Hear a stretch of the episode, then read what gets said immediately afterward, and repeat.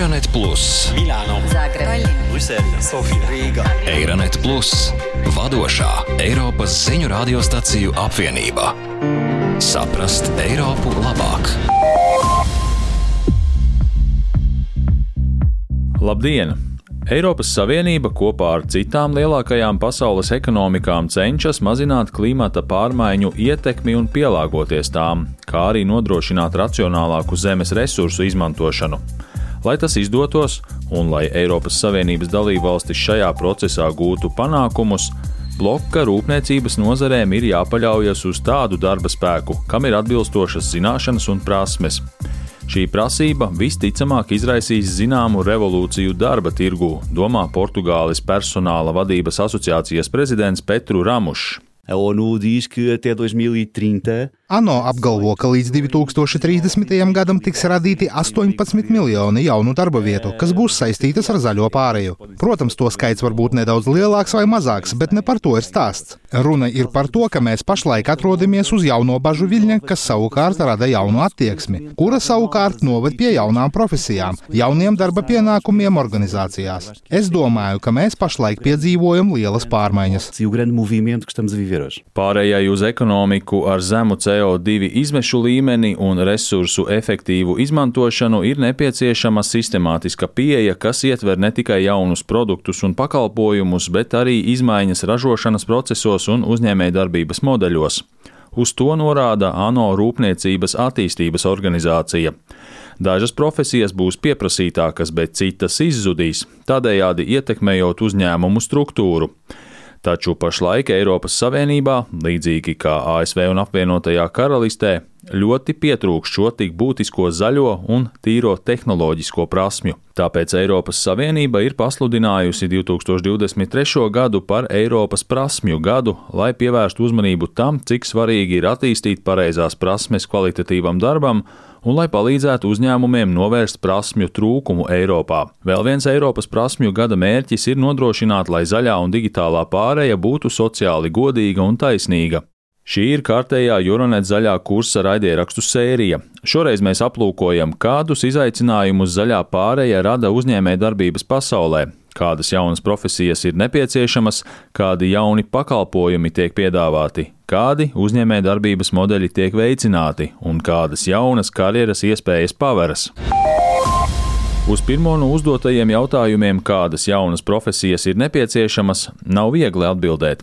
Konsultante Slovenijas nodarbinātības dienestā Irisa Lojeveca skaidro, ka viņas organizācija joprojām cenšas precīzi saprast, kādas prasmes ir nepieciešamas un kā atrast cilvēkus, kuriem tās ir. Niti v Sloveniji, niti med državami članicami Evropske Ne Slovenijā, ne citās Eiropas Savienības dalībvalstīs vēl nav definēts zaļo profesiju jēdziens, taču mēs saprotam, ka tās ir darba vietas, kas veicina ilgtspējīgu attīstību, cīņu pret klimata pārmaiņām un aprites ekonomikas mērķu sasniegšanu. Ja ielūkojamies darba meklētājiem un darba devējiem paredzētajā sociālajā tīklā LinkedIn, tad varam secināt, ka pieprasījums pēc zināšanām, kas ir saistītas ar ilgspēju, nenoliedzami pieauga. Laikā no 2022. gada februāra līdz 2023. gada februārim LinkedIn darba sludinājumu skaits, kuros pieprasīta vismaz viena zaļā prasme, pieauga vidēji par 15,2%. Viļņas Lietišķo zinātņu universitātes pārstāve Grēta Grode pastāstīja, ka turpmākajos gados ilgspējas vadība būs viena no pieprasītākajām profesijām. Tas augimas yra labai ženklus, ypač tų vadybinių specialybių. Šis pieaugums ir ļoti nozīmīgs, īpaši vadības profesijās. Tas ir patiešām nepieciešams, un arī LinkedIn ir vērojams ļoti, ļoti liels izmaiņas to cilvēku skaitā, kuri meklē šīs specialitātes. Un ir pat izveidots nākotnes specialitāšu top 10 saraksts, un trīs no tām ir saistītas ar ilgtspēju. Tas arī liecina, ka pat attiecībā uz specializācijām, kas vēl tikai būs, mēs jau tagad redzam, ka ilgtspējas vadības jomā būs nepieciešams ļoti liels skaits cilvēku. Ir tai yra tik iki 2030. Profesionālā organizācija Kevet palīdz Ungārijas uzņēmumiem uzsākt ceļu uz ilgspējīgu attīstību. Tās izpildu direktore Katalina Hernere apstiprina, ka visiem uzņēmumiem, gan lieliem, gan maziem, galu galā būs jāstiprina savas ilgspējīgas attīstības spējas, un jo ātrāk tie to izdarīs, jo labāk. Mūsu nozarē redzam, ka pieaugs pieprasījums pēc vides ilgtspējas speciālistiem, jo mēs novērojam, ka uzņēmumi nespēj šos jaunos uzdevumus aptvert ar saviem esošajiem darbiniekiem. Tie vai nu tos uztic ārpakalpojumu sniedzējiem, vai arī tiem būs vajadzīgi jauni cilvēki. Lielie uzņēmumi jau tagad pieprasa korporatīvās sociālās atbildības speciālistus, vides, sociālās un pārvaldības speciālistus un ilgtspējas speciālistus. Un mazajiem uzņēmumiem arvien vairāk būs vajadzīgs kāds, kas spēs tos apvienot vienotā veselumā un sniegt konkrētus, praktiskus pasākumus, kā risināt šos uzdevumus, rakstīt ziņojumus, vākt datus un sasniegt klimata neutralitātes vai pielāgošanās klimata pārmaiņām mērķus. Es aicinu uzņēmumus negaidīt, bet gan jau tagad attīstīt savu iekšējo darba spēku šajā virzienā. fejleszték a saját szervezetüknél. Patiesībā Eiropas Savienībā 23 miljoni mazo un vidējo uzņēmumu jau tagad izjūt spiedienu no saviem klientiem un mātes uzņēmumiem, lai tie nekavējoties sāktu pielāgoties zaļajai pārējai, piebilda Hernere. Nagyon sok vállalattal vagyunk kapcsolatban, úgyhogy nekünk Mazajiem un vidējiem uzņēmumiem, kuri uzskatīja, ka šie jautājumi uz tiem neatiecas, nevajadzētu būt pārsteigtiem, ka agri vai vēlu tie saņems anketas no lielajiem uzņēmumiem, no to meitas uzņēmumiem, kurās tiks jautāts, vai tie aprēķina savu CO2 pēdu, kādas ir to ikgadējās emisijas, ko tie dara ar atkritumiem un kādi ir to mērķi oglekļa emisiju samazināšanai. Mums jābūt tam gataviem. Erre bizony fel kell készülni. Sagatavošanās ir vēl jo svarīgāka, jo, kā jau minējām, pastāv neatbilstība starp pieprasījumu un piedāvājumu. Uzņēmuma OpenJob metis tehniskās nodaļas vadītājs Alfredo Greco ir atbildīgs par speciālistu piesaisti noteiktās Itālijas rūpniecības stratēģiskajās nozarēs, jo īpaši enerģētikas nozarē. Assolutamente no, in questo momento registriamo un mismatch fra Pašlaik mēs redzam neatbilstību starp prasmēm un specializāciju, ko pieprasa uzņēmumi, un to, kas tiek piedāvāts tirgū. Itālijas banka lēš, ka Itālijas valsts atveseļošanas un noturības plāna vajadzībām ir nepieciešami aptuveni 370 tūkstoši speciālistu, no kuriem 270 tūkstoši ir tehniskie speciālisti. e Acīm redzot, nepieciešamo prasmju veidi ļoti atšķirsies atkarībā no darbības nozares. Zaļais konsultants un Rumānijas aprites ekonomikas koalīcijas līdzdibinātājs Rauls Pops iedala uzņēmumus divās galvenajās kategorijās. Cred că ar trebui, în primul rând, împărțite în două categorii. Manuprāt, uzņēmumi būtu jāsadala divās kategorijās. No vienas puses ir nozares un profesijas, sauksim tās par tradicionālām, kuras būtu jāpadara zaļākas. Otrā kategorija ietver uzņēmumus, kas nāk un piedāvā risinājumus, kā to izdarīt. Vai ir runa, piemēram, par jaunu tehnoloģiju rūdas ieguvēju, pārstrādes tehnoloģiju, kas ir daudz ekonomiskāka enerģijas vai kaitīgo vai siltumnīca efektu gāzu emisiju ziņā, vai par integrāciju ķēdē ar citiem uzņēmumiem. Citiem vārdiem sakot, mani atkritumi kļūst par izēvielu nākamajam uzņēmumam, vai citu uzņēmumu atkritumi kļūst par manu izēvielu. Visām šīm paradigmu maiņām ir vajadzīgi lēmumu pieņēmēji, un šiem lēmumu pieņēmējiem ir jāuzticas, ka viņu pieņemtie lēmumi ir pareizi. Tas nozīmē, ka jums ir jāizprot jaunais konteksts, kurā darbojas jūsu uzņēmums. Nou în care funcționează compania.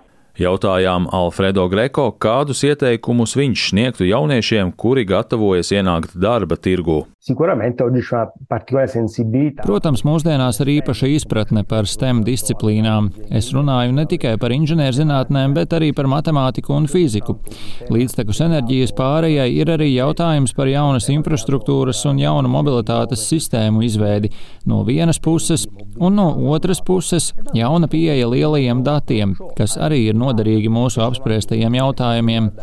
Piemēram, enerģijas patēriņa datu pārzināšana un analīze ir svarīgs elements, kas varētu virzīt politikas un uzņēmē darbības lēmumus.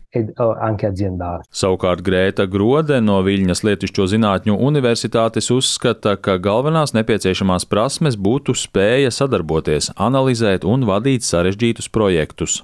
Dažniausiai tai kokio, kokie reikalavimai yra prašomi. Lielākoties ir nepieciešamas analītiskās prasmes, jo ir daudz analītiskā darba.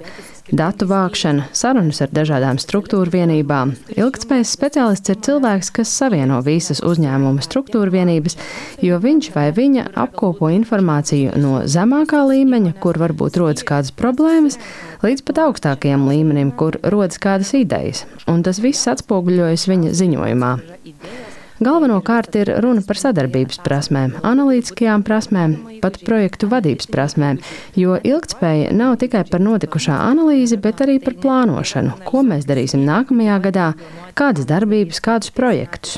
Kokias veiklas, kokius projektus vykdysime. Lai aizpildītu pieaugušo prasmju trūkumu zaļo un tīro tehnoloģiju darba vietu jomā, ļoti svarīga būs visu iesaistīto pušu, augstākās izglītības iestāžu, profesionālo asociāciju un uzņēmumu koordinācija koordinācija. Pēc Bulgārijas personāla vadības asociācijas valdes locekles Dobromīras Manasjevas domām īpaši svarīga būs uzņēmumu cilvēku resursu nodaļu loma. Преквалифициране може би е едната от пътеките всъщност. Cilvēku resursa nodaļai ir jāsadarbojas ar pārējām nodaļām uzņēmumā, lai tā varētu atbalstīt visus procesus, kurus ir svarīgi ieviest uzņēmumā.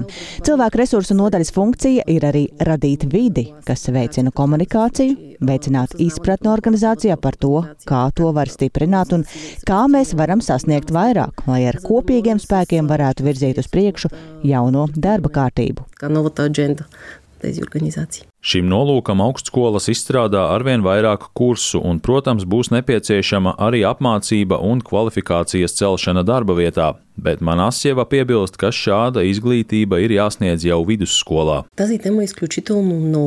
Pārkvalifikācija ir viens no veidiem, kā iegūt šīs specialitātes. Otrs veids ir izglītība, un vidējā izglītība var jau tagad mainīt jauniešu attieksmi šajā virzienā.